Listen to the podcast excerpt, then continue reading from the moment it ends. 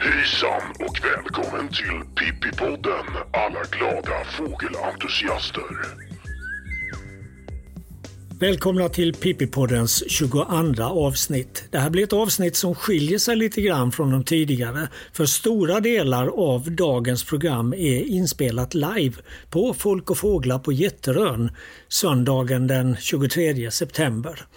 Det var rätt kul Kristoffer. Det var verkligen över förväntan. Jag trodde inte att det skulle komma så mycket folk och titta på Pippi-podden när vi spelar in den där. Mm. Jag har ju viss vana efter att ha jobbat på lokalradio i en massa år. Både att stå framför folk och framförallt att prata i mikrofon. Hur var det för dig som inte har riktigt samma vana? Nej, jag kommer ju inte riktigt från den branschen men jag jobbar ju i offentligheten kan man säga som naturumvärd bland annat. Så jag trivdes som fisken i vattnet faktiskt. Okej, då ger vi väl oss iväg upp till Jätterön. Och för att ge er som lyssnar en liten bild av hur det tedde sig där på Jätterön så kan vi berätta att vi satt på andra våningen på Naturum ovanför kaféet och vi satt där med ett stort panoramafönster bakom oss. Vi såg ingenting av fågellivet ute på Jätterön men det gjorde förhoppningsvis publiken. Gullet och jag, vi ser inte så mycket av fåglarna. Vi ser publiken istället. Men publiken ser fåglarna bakom oss. Och det är en eh, fin dag på Jätterö nu. Det är verkligen en fin dag och det blåser förbi havsfåglar utomhus lite varstans. Så egentligen borde man väl vara ute. Ja, men vi har ju kunnat glädja oss åt en eh, vit hägring bland annat som har funnits här precis bakom oss tidigare. Ja, det har väl varit en egretthäger nu i snart två månader här på Jätterön och det är många som har varit och tittat på den och den visar sig väldigt fint emellanåt. Men annars om vi ska titta lite tillbaka nu på den tid som har gått sedan vi spelade in det förra avsnittet. Vi har haft eh, en stor del av augusti och lite drygt halva september nu. Och vad har hänt egentligen på fågelfronten? Vad är det mest eh, spännande eller det roligaste? Det som är mest spännande är väl alla de här stepphökarna som har börjat sträcka förbi Sverige nu söderut. Och varför har det blivit så? Nej, jag vet inte. Jag gav mig till att försöka svara på den frågan för en tid sedan och då sa jag att vi ska tacka Gorbatjov för alla stepphökarna. För det var perestrojkan och glasnost som gjorde att Sovjetunionen brakade samman. Och som en följd av det så brakade också kolchoserna i det som tidigare var Sovjetunionens stora mjölkbod, alltså Baltikum. De brakade också samman och de här stora jättelika fälten där man hade odlat vall för alla dessa mjölkkor, de låg för fäfot. Och det innebar att många fåglar kunde sprida sig in i de här områdena och bland annat stepphökar då. Tror du på den förklaringen? Det låter som en alldeles utmärkt förklaring. Och vad är det nu som händer? Nu är det ju som sagt väldigt mycket havsfåglar på gång. Ja, alltså egentligen så borde man ju vara någonstans ute längs kusten nu, till exempel nere i Laholmsbukten där många havsfåglar nu snurrar omkring. De kom in med blåsten i förrgår och igår och nu har de fångats in i den här tratten eller säcken eller vad vi ska kalla det för. Så att vi, vi sitter ju här och egentligen så vill vi ju kanske vara någon annanstans, eller hur? Egentligen vill jag titta på en eh, gammal tärnmås som har kommit kanske ända från Grönland som håller till nere i Laholmsbukten just nu. Man kan se de här ungfåglarna men en gammal fågel det är verkligen som en dröm. Ja. Kan du beskriva en gammal tärnmås? Hur, hur stor är den och hur ser den ut? Den har ju lite gult på näbben kan man väl säga va? och lite grått. Och sen så har den en grå hetta och så är den trefärgad på vingarna på ovansidan. Svart, vitt och grått. Mm. Precis, och det blir liksom lite grafiskt. Grafiska fåglar går ju verkligen hem hos alla. Särskilt svartvita som skärfläckan exempelvis, som vi har här på Jätterön. Och sen är ju tärnmåsen också en sån här fågel där dess flyttning gärna sätter vår fantasi i rörelse. Den häckar långt upp i Arktis och övervintrar långt ner i sydvästra Afrika. Ja, och det, de flyger väl ner ända ner till Biscayabukten och snurrar runt där också. Ja, nu på hösten så brukar de stanna till där innan de fortsätter ner till eh, Sydvästafrika. Men vi kanske ska berätta lite grann om Jätterön också där vi befinner oss nu. Hur, eh, du har ju jobbat här nu en längre tid som guide. Och hur ska man beskriva Jätteröreservatet som fågellokal egentligen? Ja, det är ett fantastiskt varierat ställe alltså beroende på årstid. Det häckar många fågelarter här och det rastar många fågelarter. Och det, till och med vintern är attraktiv här för att titta på fåglar. Så det finns många olika biotoper som lockar hit fåglar och det finns alltid någonting att titta på kan man säga. Och vad, vad finns att titta på just nu förutom den här egretthägen som vi nämnde? Vi har ju till exempel haft några småfläckiga sumphönor i eh, fotogömslet, lilla gömslet här utanför i vassarna. Småfläckiga sumphönor, finns det storfläckiga sumphönor också? Nej, har du sett det? Det, det, är ett ganska lustigt namn det här med småfläckig sumphörna. För att på engelska så heter den Spotted Crake och, och på danska så heter den Plättet Rövartel. Hur är det med de spelande individerna här i Halland då? Har vi några? Nej, det, den är väldigt, väldigt ovanlig. Det är en fågel som hör hemma i fågelsjöar med stora fuktiga strandängar runt omkring. Och det har vi ju inte så mycket av här. Och ska vi titta på utvecklingen i Sverige i stort så är den tyvärr väldigt negativ för småfläckig sumphörna. Går vi fem år tillbaka i tiden till 2012 så rapporterades det 380 spelande i hela Sverige då under våren. Förra året, 2017, så var det bara 118 spelande. Och det, det är ju en utveckling som inte är särskilt positiv. Nej, men bara man kommer in i Småland en bit inåt Draven till och så så är det ju flera spelande småfläckiga sumphönor. Här i Halland så brukar vi mest ha nedåt Skottorp i Laholm som spelar. Annars är det ju väldigt svårt att höra. Ja. Och så är det ju framförallt här på hösten då, eh, sensommaren och hösten som man här på Jätterön ser eh, småfläckiga sumphöns. Då ska vi lyssna till en intervju som eh, vi gjorde här förleden och det var med en smått legendarisk fågelskådare från Umeå.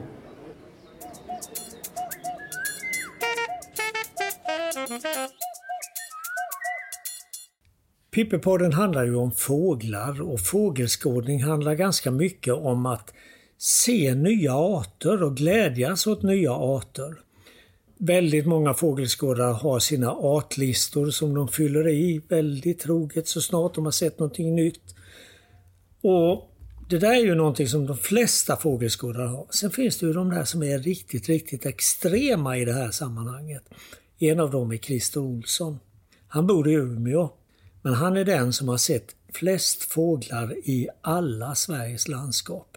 Det är totalt över 6100 landskapskryss. Vad är det som driver dig Christer? Jag hör, jag måste nog säga att i grund och botten så är det upptäckarglädjen när jag då hade sett i princip alla fåglar i Durangos Fåglar i färg så tänkte jag nu får vi dra det här ett till varv men på ett annat sätt. Och eh, då började jag från noll helt enkelt. Eller nu går jag lite i förväg här, för att det hela började på en resa. Den 18 oktober 1998 var jag och Rolf Sandberg och Stefan Delin på resa genom Sverige från Umeå och ner till Skåne. Och så såg vi att det flög nötskrika över vägen i Västerbotten, i Ångermanland, i Medelpad, i Hälsingland. Och så sa vi, nu ska vi försöka få in nötskrikan i alla landskap längs vår väg ner till Skåne. Och vi lyckades få in nötskriker som flög över vägen, sedda från bilen helt enkelt. Och sen när jag kom hem så började jag titta igenom mina gamla anteckningsböcker och då fann jag ju att jag hade gjort väldigt mycket inventeringar på olika håll i vårt land. Så att jag hade ju åtminstone ett mindre antal arter i alla de 25 landskapen. Och sen har det fortsatt och man har tagit det som en utmaning det här. Att försöka på egen hand hitta något nytt. Du anar inte vad jag höll på när jag fick in sånglärkan i Jämtland. Inte var det så lätt. Och storspoven i Sörmland. Som jag mest hade besökt sommartid. Inte var det så lätt.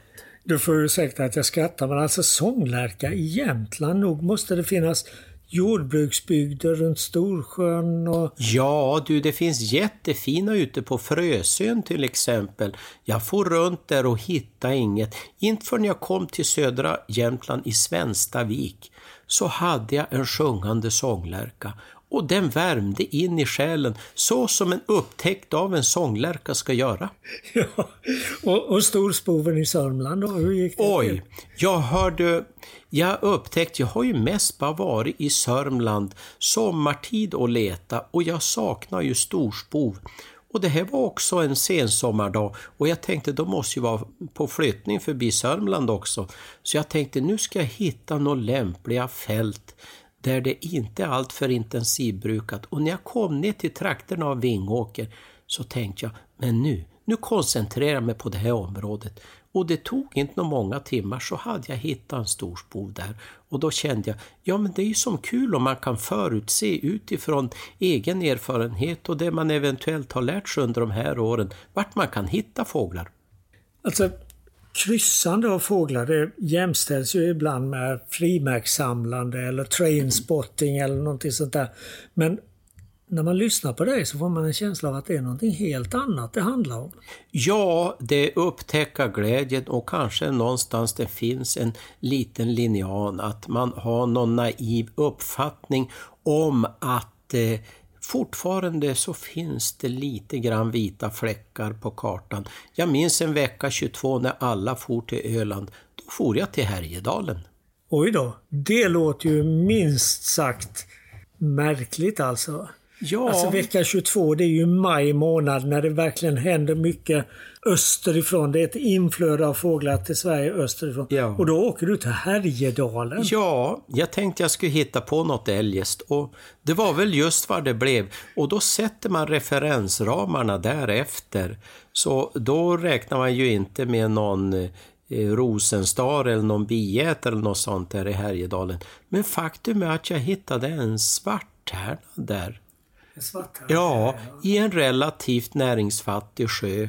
Jättefin obs på svarttärna och gissa om det värmde.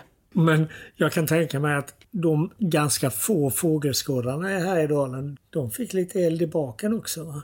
Ja, hör du, det var en av de få som är riktigt aktiva där började höra av sig när han började då se på olika listor att jag hade som varit där en del och hittat lite grann och tyckte väl själv kanske att ja, man har nog mycket oupptäckt i sitt eget landskap, tänkte han och då.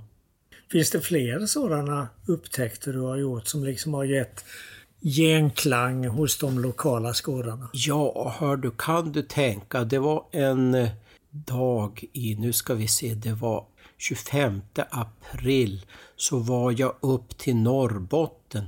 Jag tänkte, jag har inte sett så mycket gäss i Norrbotten. Och jag for till Alviksgården som ju är lite söder om Luleå. Och eh, då fick jag se en jättestor flock med nyanlända sädesäler där sitta på nattisen på en svämpöl. Och i cirka två sekunders tid såg jag, men en är ju knallgul.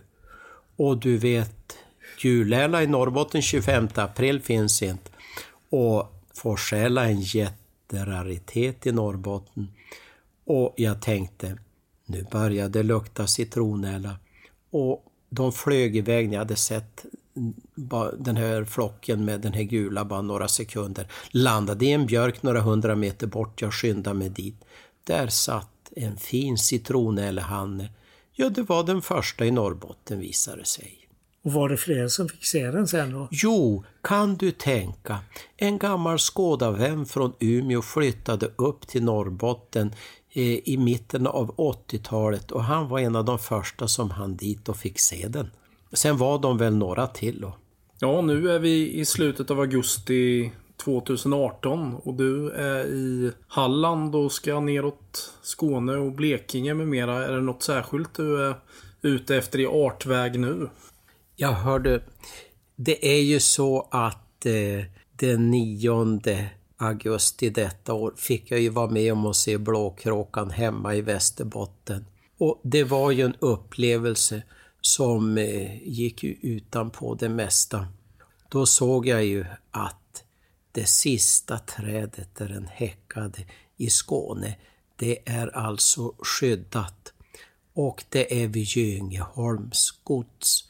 Och bara för att uppleva känslan av att ha stått vid ett träd den sista blåkråkan veterligen häckade i Skåne. Ja, det sägs väl att den häckade på Ravlunda 71, jag vet inte hur det var med det.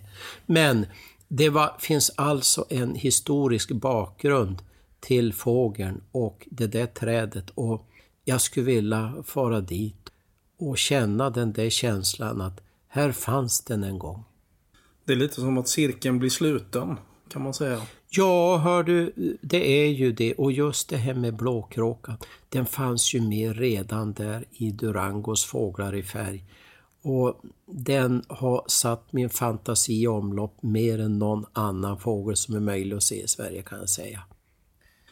Imorgon kanske vi ska bege oss ut en liten vända och då kan man ju hoppas på att det kanske flyger över en rosenfink eller rent av en stepphök. Det hade väl varit häftigt? Ja, förstår du. Det hade ju blivit nytt på Hallandslistan så det hade ju varit väldigt kul. Och jag vet här vid Grötvik så har ni ju efter förhållandena riktigt bra med rosenfink så att eh, det finns skapliga odds skulle jag vilja säga och det vore ju ena himla kul. Ja, det blev tyvärr ingen rosenfink och ingen stepphök för Christer Olsson när han besökte Halland i slutet på augusti. Men eh, snacka om passion alltså. Ja, han skulle väl ner och vända till sen i Falsterbo nu i september och fick säkert in ett antal landskapskryss där också. Men har du någonsin mött någon fågelskådare som är så passionerad som Christer Olsson? Nej, jag tror inte det. Det är nästan som att han är han är ju otroligt god och snäll och duktig och allt däremellan. Ja, han är ju en fantastiskt duktig inventerare som har lagt ner väldigt mycket inventeringsjobb i stora delar av Sverige.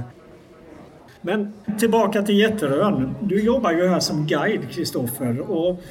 vad, vad, är det folk eh, vill veta när de kommer hit? Vad frågar de dig om? När det kommer till fågelfrågor så är det väl ofta att någon kommer in med en kamera och så vill de att jag ska bestämma det som de har tagit på bild. Och den vanligaste fågeln de visar är väl kanske en ung rörhöna eller en hornfärgad sävsparv. Skulle jag nog påstå. Sen kan det vara alla möjliga frågor emellan till vart ligger gömslet eller hur, hur tar man sig fram längs naturstigen och varför kan jag inte ställa min husbil här och allt möjligt. Det pratas ju mycket om att fågelintresset ökar i Sverige och att de ornitologiska föreningarna får fler medlemmar. Märker du någonting av det här att det är ett ökande intresse för fåglar?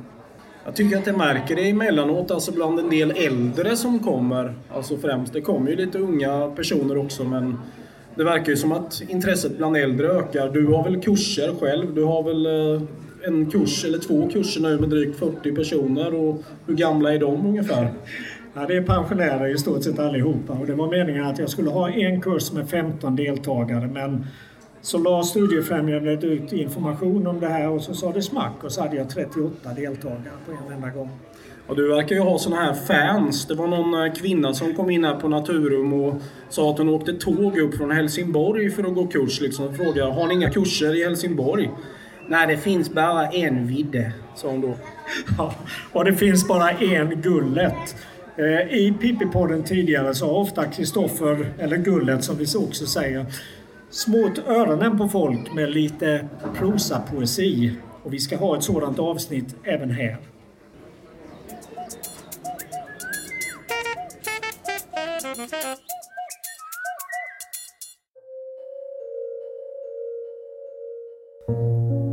En gång stod vi på Skär på Fårö en mulen, dimmig och råkall oktoberdag. Det formligen kokade av kungsfåglar i strandtallar och snår. Östersjön kändes som en vallgrav som bara väntade på att få sluka småfåglar. Hösten svepte in över oss alla. Löven föll och hemma slog vinden tomatplantans kvarvarande frukter mot rutan. Varför tog jag bara inte bort dem? Kanske ville jag kunna skörda några frukter även i oktober. Den ena dagen var det hård västvind. Den andra var det vind från ostsektorn och på den tredje dagen var det vind från alla håll.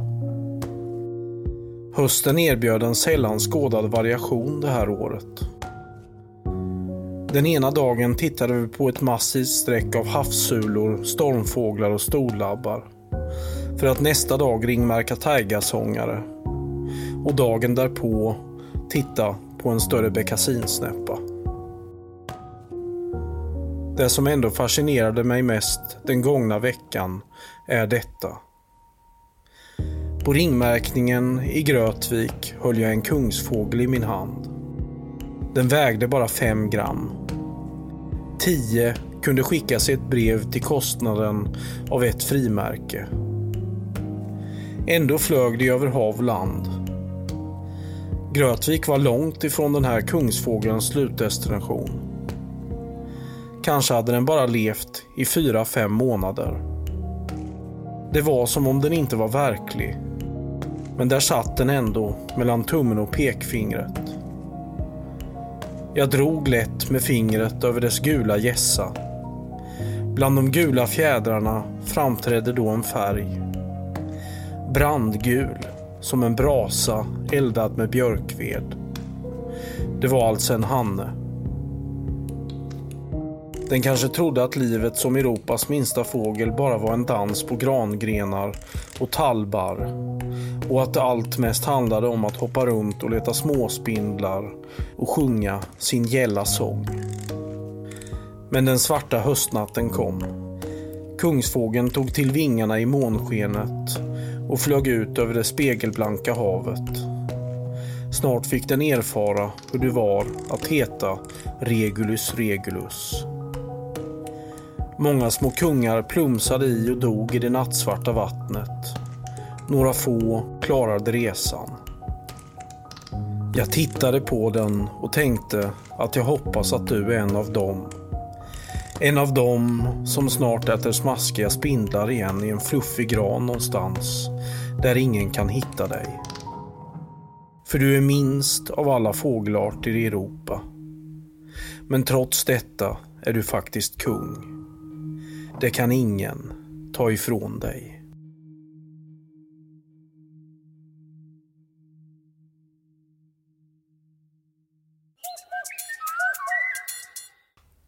Häromveckan kom det väldigt dystra rapporter från de södra delarna av Norrbottens fjällvärld.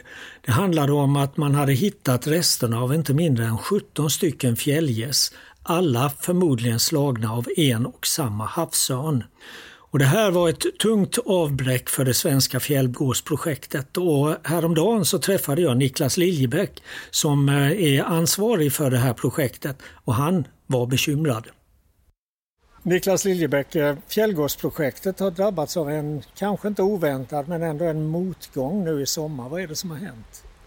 Ja, du tänker på eh, havsörnen. Eh, ja, vi vet ju inte exakt i detalj vad som har hänt ännu, men det är tydligt att vi har en havsörn i fjällgåsens säckningsområde som tar fjällgäss i ganska stor omfattning. Den har kanske till och med specialiserat sig på att ta dem, eller har lärt sig att ta dem? Ja, det verkar tyvärr så. Ja, vi, vi får se lite var, var det här slutar, men vi eh, försöker samla på oss all kunskap vi kan. Försöker prata med havsörnsfolket så gott vi kan också. Ni har, ni har alltså hittat rester av fjällgäss där havsörnarna håller till. Har ni någon, något grepp om hur många fjällgäss det är som har mött sin baneman i den här havsörnen? Ja, alltså vi börjar få ett grepp och det, det är ett eh, antal, eh, det är framförallt ringar vi hittar. Så de fjällgäss som är omärkta vet vi egentligen ingenting om. Ja, det är ett detektivarbete och vi har mycket hjälp av de som är experter på havsörnen så vi försöker få ihop ett kunskapsunderlag till myndigheterna så får vi se var det tar vägen. Vad, vad, hur kan man lösa ett sånt här problem? Det är ju ett minst sagt delikat problem. Ja, det, det är minst sagt delikat. Det är, även inom projektet, inom projekt Fjällgås så har vi lite olika synpunkter på vad man skulle kunna göra och inte göra och sådär. Så att det här är komplext och vi får Ja, alltså jag ser som vår uppgift är att bara samla på oss all kunskap vi kan och sen får vi se vad, vad vi kan göra. Vi får diskutera det med inblandade myndigheter och, och havsörnsfolk och andra. Vad som är lämpligt och vad som är olämpligt. Men jag förmodar att ni planerar att fortsätta utsättning av fjällgårdsungar i, i den svenska fjällvärlden. Kan ni fortsätta på den här platsen? För det blir ju mer eller mindre som att mata havsörnen med, med fjällgäss. Det är en väldigt dyr mat tänker jag. Ja, maten är definitivt dyr. Det vi har diskuterat om man kan byta utsättningsplats också då, men det vi, vi vet är att havsörnen tar inte bara utsättningsfåglar utan den tar även vilda fjällgäss. Eh, och de vilda fjällgässen är vårt fokus. Så är det så att, att ändra utsättningsplats kan hjälpa den vilda populationen så kommer vi göra det direkt. Om vi då bortser från eh, de här förlusterna, hur går det för det svenska fjällgårdsprojektet?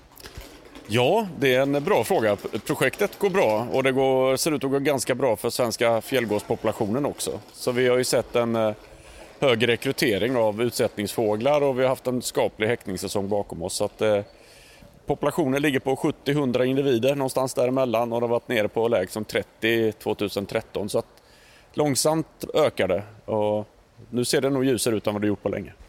Men när vågar ni säga att ni har nått den där slutliga framgången som innebär alltså att vi har tillbaka fjällgåsen som en etablerad häckfågel i Sverige? Det är en väldigt bra fråga. I åtgärdsprogrammet tror jag det står 100 par. Eh, och där är vi ju inte än på länge, alltså 100 häckande par per år.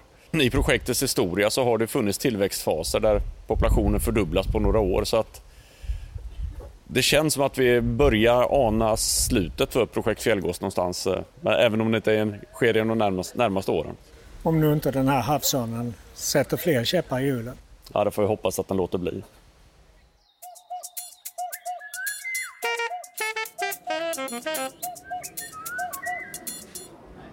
Ett eh, till synes evigt problem bland fågelskådare det är ju att vissa fågelskådare aldrig blir trodda. De blir betraktade som så kallade stringare och det är nog det fulaste epitetet som en fågelskådare kan få. I några fall kan det vara befogat. Precis som inom alla andra intressen så finns det mytomaner även i fågelskådarnas led. Men det kan också vara mycket orättvist att kalla en aktiv skådare för stringare. Frågan är då hur man ska göra för att bli trodd.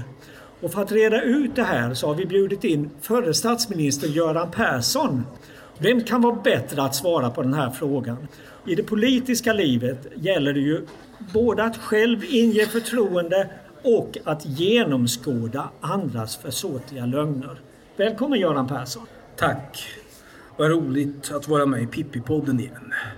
På vägen hit från Sörmland hade jag både dvärgörn som satt i en ek uppe på småländska höglandet. Och precis när jag äntrade naturens parkering hörde jag en lockande tundrapiplärka.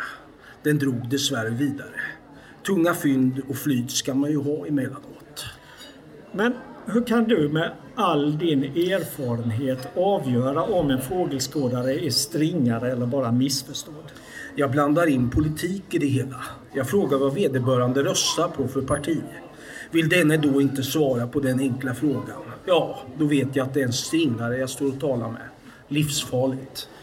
En lite känslig fråga kanske, men har du alltid själv haft rent mjöl i påsen? Som jag brukar säga, en gång trodde jag faktiskt att jag såg fel på en hona vandringstrast hemma i trädgården. Det är en amerikansk fågelart. Men det visade sig faktiskt vara en leucistisk hona vandringstrast. Fåglar är knepigt ibland ska jag dock säga för att vara självkritisk. Har du något enkelt råd att ge till landets fågelskådare om hur de ska kunna öka sin trovärdighet? Jag kan ge ett råd som jag tycker är oerhört bra. Inte därför att jag hittat på det, utan därför att jag har lärt mig det. Träffa folk, rör dig ute bland skådare, bry dig och försök komma ihåg namnen på fåglarna.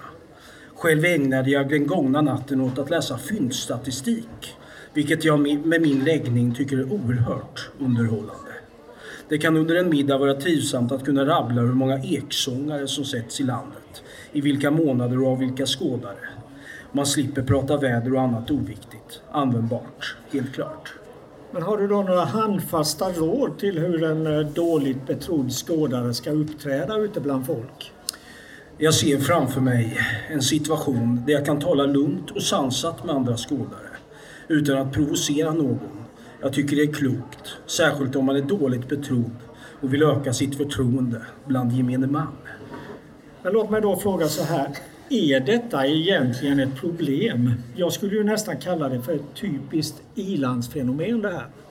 Det finns många problem i samhället och det många inte vet är att det faktiskt är vi som är samhället. Det är alltså upp till oss att lösa problemen, både personliga och fågelmässiga. Problem måste lösas. Enklast är att ta ett problem i taget.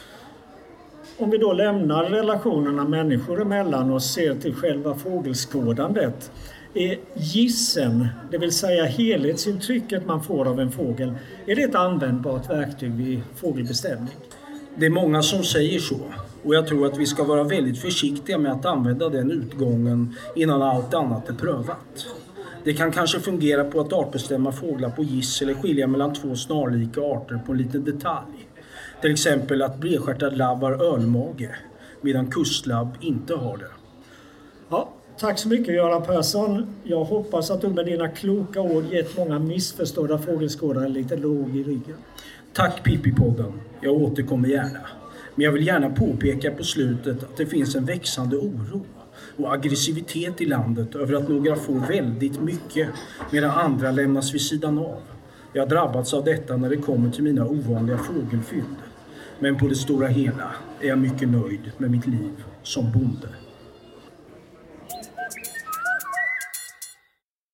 Här i Pippi-podden brukar vi ägna lite tid åt ny publicerad fågelforskning och så blir det även denna gång.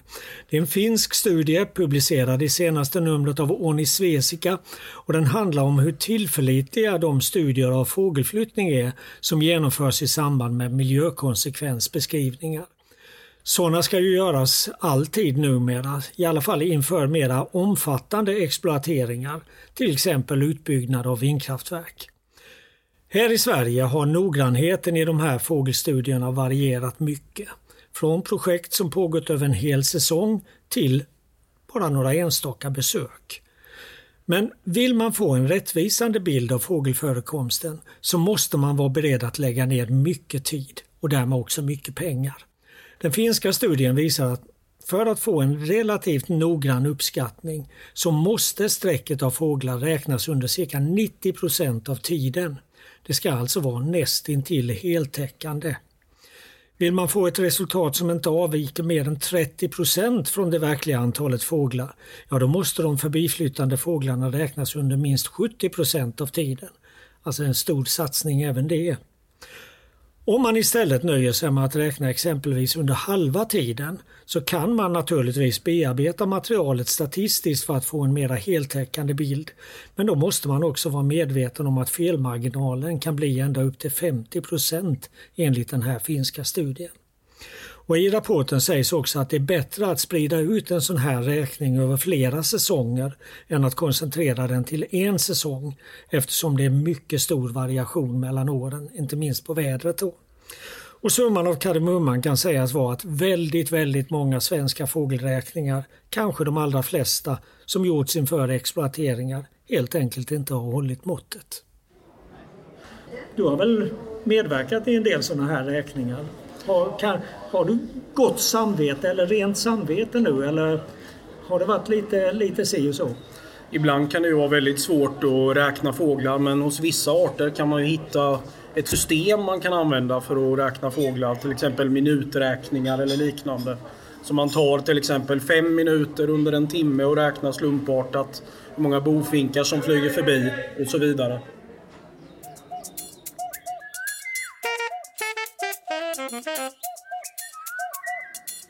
Tord Fransson, eh, chef för Svenska ringmärkningscentralen.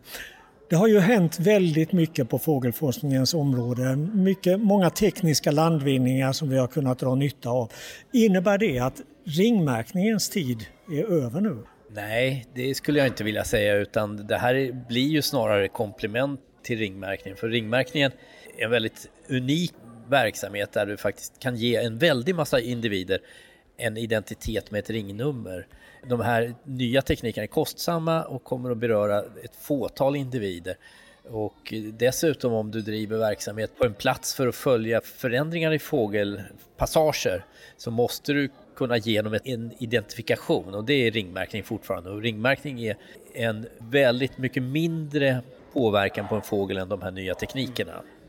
Du berättade också någonting när du höll föredrag på Jätterön på Folk och Fåglar om eh, svartvita flugsnappare, att ni via ringmärkning har kunnat visa att de faktiskt häckar eller inleder sin häckning lite tidigare än förr. Ja, precis. Alltså, den tidpunkt när ringmärkarna besöker en holk för att ringmärka ungar kan vi använda för att få ett mått på när, när arten häckar och, och, det här rör sig om väldigt stora mängder. Jag tror att från södra Sverige så har vi över 20 000 bobesök utav ringmärkare. Slår vi ihop de här så, så ser vi att över drygt 30 år så har svartvit flugsnappare tidigare lagt sin häckning med ungefär fyra dagar. Preliminärt, det här är ju, men det visar jättetydligt att det går att använda ringmärkarnas besök på det sättet. Och det är en följd av klimatförändringen då? Alltså det är ju den tolkning vi gör idag. Vi har ett projekt som är påbörjat nu där vi ska gå in och titta ännu mer kopplare till klimatvariabler.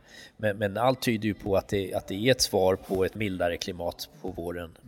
Och ni har också kunnat visa med, genom att jämföra återfynd av fåglar, av ringmärkta fåglar från tiden före 1980 med tiden efter 1980 att de både över, vissa arter i alla fall övervintrar längre norrut och att de kommer tidigare på våren. Ja, det, det ser vi på några av de här Västeuropaflyttarna där vi har ganska mycket vinteråterfynd så ser vi att medelpositionen för de här fynden har flyttat sig norrut och, och det verkar väldigt samstämmigt för en, en, lång rad av arter. På medelposition så är det ju inte någon jättestor skillnad men det är fortfarande så att den går norrut.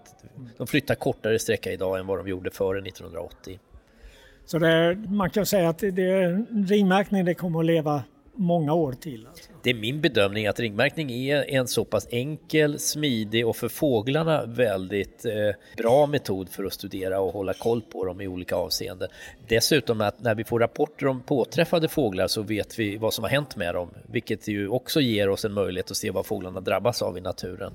Du berättade också om ett antal väldigt spännande återfynd. Det finns ju återfynd av svenska fåglar från snart sagt alla världsdelar om jag förstod dig rätt. Ja, nu det, det, är ju Antarktis som är kvar då som vi inte har återfynd ifrån. Men vi, vi, har ju både från Nordamerika och Sydamerika. Vi hade helt nyligen ett fynd som var vi först, eller vi, vi tycker fortfarande att det är väldigt märkligt. En silvertärna i Colombia, i, mitt inne i Sydamerika, påträffades 20 år gammal silvertärna.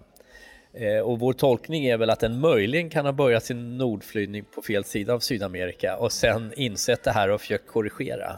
Och det var en fatal resa att flyga över hela den kontinenten? Då. Uppenbarligen blev det det i det här fallet, men, men det, det, är sådana saker som vi inte vet hur, hur vanligt det är att de kan göra sådana här överflygningar. Men annars just det här att fåglar flyger över en kontinent eller någonting sådant, det, det, där är väl kanske inte ringmärkningen så bra. Den, den, kan ge vissa små indikationer men du har precis kommit hem från Grekland och där har ni hållit på och tittat på fåglar på ett annat sätt med mera modern teknik. Kan du berätta lite grann? Alltså vi, jag har ju jobbat många år med just hur fåglar klarar Sahara-passagen som ju är någonting som väldigt många fåglar gör, men vi vet fortfarande inte exakt hur de klarar det. Man räknar med att det är över två miljarder småfåglar som varje höst flyttar över Sahara. Och för att se det här mer i detalj så har vi, jag har ett samarbete med, med en grekisk kollega och en fågelstation i Grekland satt på satellitsättare på turturduvor för att se. De är tillräckligt stora för att, för att bära en, en satellitsändare. Och nu har vi precis börjat få data på hur de har klarat passagen och de, de har i princip flyttat från Grekland rakt söderut, vilket är en av de absolut torraste områdena av Sahara. Det finns nästan inga oaser i det området mellan Libyen och Egypten. Och de här har, har på fem dygn tagit sig över och landat 2 500 kilometer söderut i Chad så de flyger alltså rakt igenom den torraste av torra öknar? Ja, helt klart. Går rakt på ett snöre. Men hur klarar de detta? Alltså de måste ju ha den energin med sig. Och när vi fångade de här så, så var de redan, vägde de redan relativt mycket så att de hade nog redan påbörjat sin överflygning och gjort fettupplagringen längre norrut i Grekland. För att de vägde någonstans runt 170 gram. Och den lättaste jag har fångat på våren har vägt 75. Så det kan alltså handla om att de fördubblar sin ja. vikt inför en sån här lång resa? Precis, så att de, den, den, reserven har de. Det är näppeligen så att de kan ha ätit på överflygningen. Mm. Det finns nog ingen mat för dem på vägen över. Så de lever på hullet kan man säga? De lever verkligen på hullet, men de tappar det snabbt. Ja. Men Flyger de hela tiden eller stannar de någonstans på vägen och vilar? Alltså det verkar ju som att det är där man diskuterar en del om fåglar flyger konstant eller om de Alltså om de kan korta sin resa genom att flyga konstant. Men de här ser ut som om de har valt att flyga på nätterna och stanna på dagen. Och, och i så fall så är det ju för att söka skugga snarare än att hitta föda. Och då handlar det om eh, snarare klippor än oaser för att du sa att det fanns inte så mycket oaser i det området. Nej, det är i så fall att de hittar skugga under stenar och annat. Ja, visst är fåglar häftiga? De är mycket häftiga, absolut, och det finns mycket kvar. Ja, då börjar det bli dags att avrunda det här 22 avsnittet av Pippi-podden. Och vad har vi egentligen att se fram emot i fågelväg nu den närmaste tiden? Allt. September är ju, har ju varit lite som eh, maj på sätt och vis fast fåglarna lämnar landet istället. Jag tänker bara på vad som har setts i veckan just i hemmamarkerna här. Det är ju, vi har ringmärkt taigasångare och det har setts mindre lira och bredstjärtad labb och tjäder och och till råga på allt en större beckasinsnäppa som hittades den 28 september i Larssons våtmark som faktiskt är en relativt ny våtmark i Halmstad, eller hur? Ja, och en liten kuriositet i det sammanhanget är att Sveriges allra första större beckasinsnäppa, i alla fall den första som sågs, den sågs bara ett stenkast därifrån nere på stranden i Påarp och den försvann efterhand in över land och förmodligen flög den rakt över det område där Larssons våtmark nu är beläget. Detta var i september 1959 och eh, det var alltså första fyndet i Sverige. Sen det andra fyndet i Sverige gjordes några år senare vid Ottenby och vid den tiden då 1961 då tog man beläggsexemplar. Man gick helt enkelt ut och sköt fågeln eftersom det var första fyndet i, i landet trodde man då. Sen blev den här fågeln i Påarp godkänd i efterhand. Men eh, visst är det häftigt med sådana här vadare. Det är, ju, det är ju kanske den fågelgrupp som jag är allra mest förtjust i. Jag kan aldrig se mig mätt på vadare. Och du har väl nästan ett likadant eh, förhållande till labbar och andra havsfåglar? Ja, jag var ute eh, som senast idag den 30 september och vi eh, hade väl förmodligen ett rekord för södra Halland idag på storlabb. Vi såg 103 storlabbar mellan klockan 7 och strax efter 11 i Bussör som ligger norr om Halmstad. Och du var väl ute strax söderöver och ja. såg rätt mycket storlabb och annat också? Jo då, det är ju väldigt mycket storlabb men det är ju många andra havsfåglar också. Och det som jag tycker är så fascinerande när det gäller havsfåglar det är att de kommer från alla möjliga hörn av Atlanten. Och så möts de här vid den svenska västkusten. Vi har tärnmåsar från arktiska Kanada och Grönland, bredstjärtade labbar från sibiriska tundran, gråliror nere från Falklandsöarna och Eldslandet. Gulnäbbade liror från eh, Kanarieöarna och Madeira och eh, storlabbar då och en massa andra fåglar utifrån fågelbergen i Atlanten runt brittiska öarna. Visst är det, det är jättehäftigt detta tycker jag. Det är smått otroligt. Gråliran, det är ju lite, den flyger faktiskt norrut istället för söderut, brukar man säga. Och den flyger ju all världens väg. Hur flyger den egentligen? Den är ju alldeles galen, den lilla gråliran. Ja, den, eh, den flyger ju utan att ha några vingslag kan man säga. Eh, jag minns en dag för ganska länge sedan när vi lyckades följa en ensam grålira längs en stor del av västkusten. Från Hönö via flera andra platser ända ner till Båstad. Och om jag minns rätt så var det ingen som såg den här gråliran ta några vingslag utan den utnyttjade bara vinden magnifikt fint och den höll en genomsnittshastighet på 76 km i timmen. Det är häftigt. Ja, det gör man ju knappt ens själv när man kör ut till Grötvik en tidig söndag morgon. Nej, det får vi väl hoppas att du inte gör för det är ju, det är ju hastighetsbegränsat genom hela stan. Nåväl. ja. ja, nu kom vi på Kristoffer här. Ehm, du kanske ska passa dig. Det kan ju finnas en och annan trafikpolis ibland våra lyssnare. Ja, det är ju inte alls omöjligt. Jag bara skojade, som ni säkert förstår. Men eh, nu dröjer det väl ett litet tag till, men förhoppningsvis inte allt för länge, för vi har rätt mycket material som ligger och väntar. Ja, vi har ju knappt kunnat välja vilka intervjuer vi ska ha med i det här programmet. Det finns väl en 6-7 intervjuer till utöver de som är med som ni gärna får vänta på. Och den som väntar på något gott, den väntar som bekant inte för länge. Redigering av Frida Nettelblatt. Pippipodden produceras i samarbete med Studiefrämjandet.